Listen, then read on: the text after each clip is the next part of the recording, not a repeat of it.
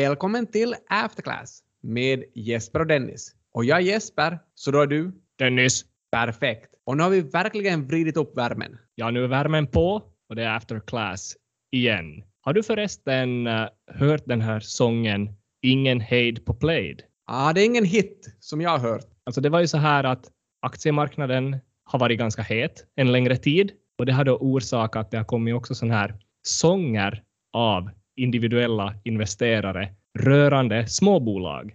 Så i Sverige finns det ett bolag som heter Plaid. Aktien för det här bolaget har gått ganska bra på sistone och således har det kommit en låt. Vi kan kanske ta och lyssna på den till att börja med så att alla hänger med.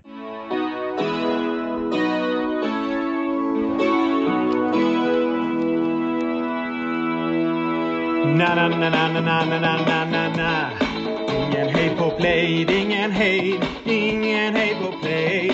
Na na na na na na na na na na Ingen hejd på play, ingen play, ingen hejd på play. Ingen hejd på play. Så vad säger vi? Ingen hejd på play? Ja, jag börjar faktiskt fundera. Kan det börja vara hejd på play så småningom? Man funderar ju om man verkligen ska äga aktier och heja på aktier som man hejar på ett fotbollslag. Ja, alltså den här personen som gjorde den här låten och som sedermera också det har gjorts covers av är ju ursprungligen en låt av Captain Jack som heter Give It Up. Oklart vilken version som är bäst här, men eh, det tåls väl nog att säga att det här med Played, alltså de tillverkar ju sådana här produkter för det smarta hemmet som gör att du till exempel kan styra lampor och dimma belysningen i sovrummet exempelvis så att 20 procent av belysningen kommer på klockan sex 50 procent kommer på klockan 6.30 och så vidare, som gör att du vaknar naturligt. Är det här som någon typ av lampa då eller? Det är en sån här grej som du lägger mellan lampan och själva strömkällan.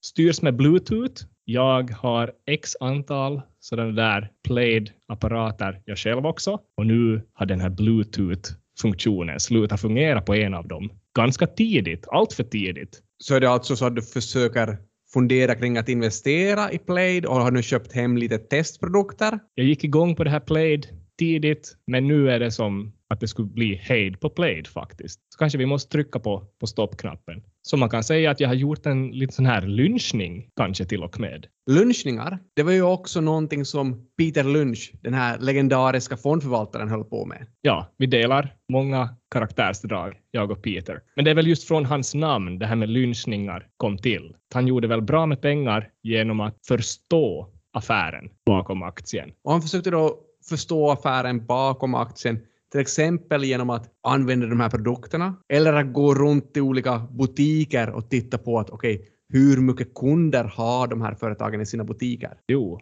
han ansåg väl också lite så här att individuella investerare har mycket bättre möjlighet att göra det där jämfört med institutionella investerare. För jag menar, en bank kan ju inte gå runt i en butik. Ja, jag tror att det också var en av hans, hans åsikter. En annan sak som han var känd för var att han hade väldigt många aktier i sin portfölj. Hur många aktier?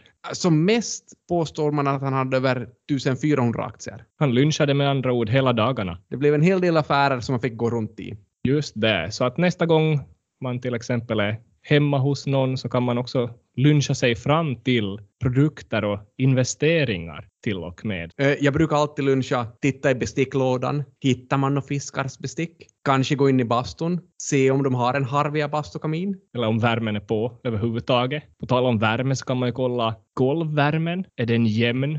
Och fin. Man vill ju ha jämn och fin golvvärme så här till vintern. Ja, men vilket bolag är vi då inne på? Ja, skulle man kanske kunna gå till Purmo Group för att köpa golvvärme. Det är en sån här inomhusspecialist. Och lämpligt nog så har ju det här Purmo Group också riktigt nyligen här gått ihop med Virala Acquisition Company, den här Finlands första SPAC. Ja, det här är ju en nyhet som har gått helt viralt. Ja, absolut. Är det också kanske Nordens första SPAC som har gått så här långt att man faktiskt kommer att gå ihop med ett annat bolag, vilket gör att det här bolaget på sätt och vis då blir börslistat utan en direkt börslistning. Och då menar jag alltså att Purmo Group blir ett börslistat bolag och att den här spacken övergår till Purmo. Ja, så visst är det Nordens första lyckade SPAC. Vad sa aktiemarknaden om det här då? För det här är någonting som de här SPAC-bolagen hela tiden går och väntar på. Att de ska hitta någon lämplig uppköpskandidat eller fusionskandidat. Det blev väl lite rally med den där Vaxpacken. Vaxpack var den här tickern. Vad såg jag? 25 procent en dag, 5 procent en annan. Så positiva toner. Nu när de går ihop då, vad, är det, att, vad kommer att hända för Purmo Group och vad kommer att hända med spacken så här rent bolagsmässigt? Ja, i princip är det väl nog bara så att nu är det alla de här likvida medlen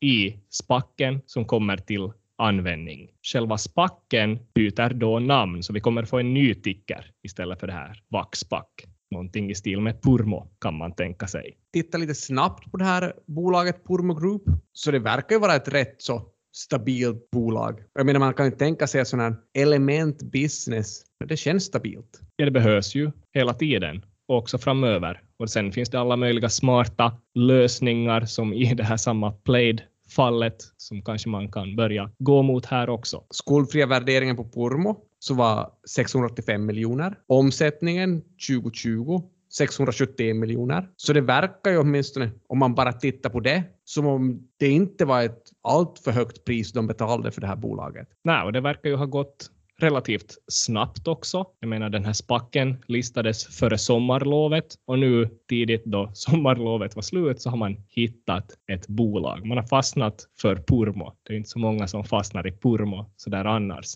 Nej, Purmo har haft lite motvind den senaste tiden. Tänker du på det här med vindkraft i Purmo? Ja, och kanske den här gruppen som inte vill ha vindkraft till Purmo. De är mot vinden, ja. Just det. Man kan ju tänka sig att den här SPAC-affären gick smidigt också eftersom vi hade en man vid namn Alexander Ernroth som styrelseordförande och den här Ernroth-släkten kanske man kan tänka sig har viss koppling till Rättig-familjen som står bakom Purmo Group. Rättig äger exempelvis Rättig Partners OU. Och vad har vi för andra ägare i Rättig Partners? Jo, genom deras bolag så finns där personer som Georg Ernroth, Carl Gustav Ernroth, Henrik Ernroth med flera. Så jag vet inte, det finns kanske viss upprepning här med ett visst efternamn. 2020 köpte det här Rättig Partners en stor andel av aktier. Så man har gjort kanske lite affärer tidigare, så det gick smidigt då spacken och tidigare ägare kanske kom bra överens. Ja, men det kan väl man ju tänka sig om man ändå ska göra en affär så här snabbt. Och kanske det som har fattats till några andra spackar. Ja, som sagt, de här svenska spackarna finns det ju flera av. Vi har nämnt den här Bure-spacken tidigare. Vad jag har förstått har man inte ännu hittat ett lämpligt objekt där. Vi nämnde också den här världens största spack. Psst. Minns du den? Jo, jag minns den. Suverän ticker. Eller var det namn till och med? Ja, det är väl tickern, det är den här. Pershing Square Tontine Holdings spacken med Bill Ackman i spetsen, den här aktivisten. Det är en fyra miljarders spack. Så fast de har så mycket pengar och Bill i spetsen så har man inte hittat ett objekt ännu. Bara för att jämföra lite, hur stor var den här Virla-spacken? 100 miljoner. Men trots alla pengarna så har Bill inte ännu har lyckats. Nej, alltså under tidens gång man har diskuterat, skulle Bloomberg vara någonting? Vi har ju Bloomberg-terminaler på Hanken, så skulle Bill kanske vilja äga dem, möjligtvis. Airbnb, i det fallet blev det ju en listning för Airbnb istället. Nu på senare tid också Universal Music. Bill lär tycka om musik. Ja, tror du att Bill har någon specifik favoritlåt där vid Universal Music? Ja, han anser väl att den här musikbranschen har mycket att ge i framtiden, men specifikt har han också lite intresse i att Bills farfar Herman Ackman skrev en låt 1926 uh, vid namn Put your arms where they belong. Punkt, punkt, punkt. Som nu då Universal Music äger och kanske det är det som Bill i slutligen vill lägga händerna på. Men vad vet jag? Ja, en sak som vi vet är väl att Bill har problem med den här spacken. För inte har han väl lyckats köpa någon av de här tre bolagen? Nej, och det är kanske lite det här att SPAC-ledningen och ägarna för de här diverse bolagen man har diskuterat med kanske inte kommit så bra överens heller. Och det är kanske ett måste. Verkligen. Sen ska man komma ihåg att Bill är väl kanske inte den personen som är lättast att komma överens med. Nej, han har väl haft en och annan fade tidigare de facto. Han är en sån där aktivist investerare som kommer in i bolag och säger hur det ska göras. Och det är ju kanske inte alltid så omtyckt. Var det inte så att han och en annan investerare Carl Icahn, hamnade i luven på varandra angående Herbalife för några år sedan? Det har du riktigt rätt i. De hade ju en sån här riktig smackdown på live-tv också på den här CNBC-kanalen för ett antal år sedan då de kastade lort på varann helt sådär verbalt. Men allt grundar sig i, tror jag, den här Herbalife grejen. Eller till att börja med grundade det väl sig i att de hade haft en rättslig tvist ett antal år tidigare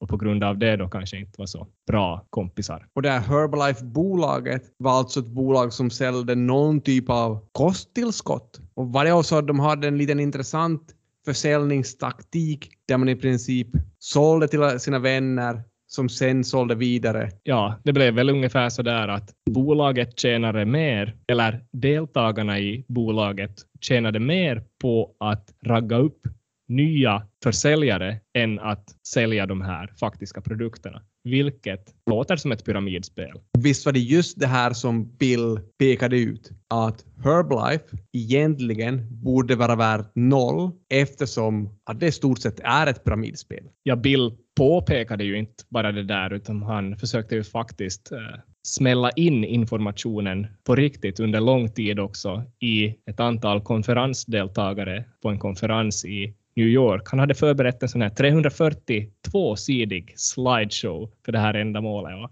han spenderade tre timmar på att slasha det här bolaget. Det hjälpte inte särskilt mycket de facto för att Carl Icahn kom ju då istället och sa att Bill använder ju bara sitt stora namn här för att manipulera ner den här kursen till noll och han ska egentligen bara göra pengar på det här. För att Bill försökte ju då, då egentligen blanka det här bolaget. Det är det man kan säga.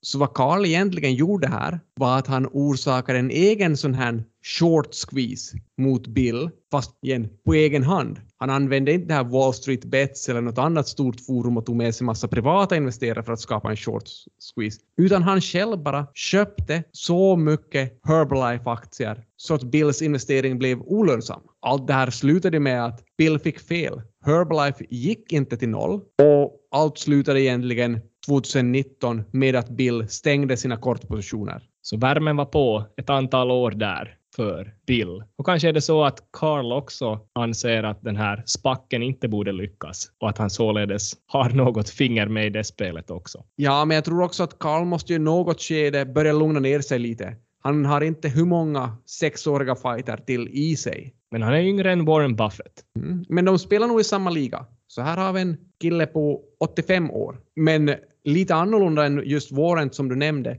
Så både Warren och Peter Lynch är kanske kända för sådana här långsiktiga investeringar. Medan då Bill Ackman och Carl Icahn är kända som sådana här corporate raiders. Så alltså de köper upp stora andelar i företag och i princip tar makten från de gamla ägarna. Så lite som Gordon Gecko i Wall Street-filmerna. Ja, och man ska komma ihåg här att Gordon Gecko är också till viss del inspirerad av Carl Icahn. Och vad är det han säger? Greed is good, Gordon Gecko alltså. Och det är väl kanske greed som gör att den här podcasten fortsätter också. Nästa vecka exempelvis med nya insikter i After Class.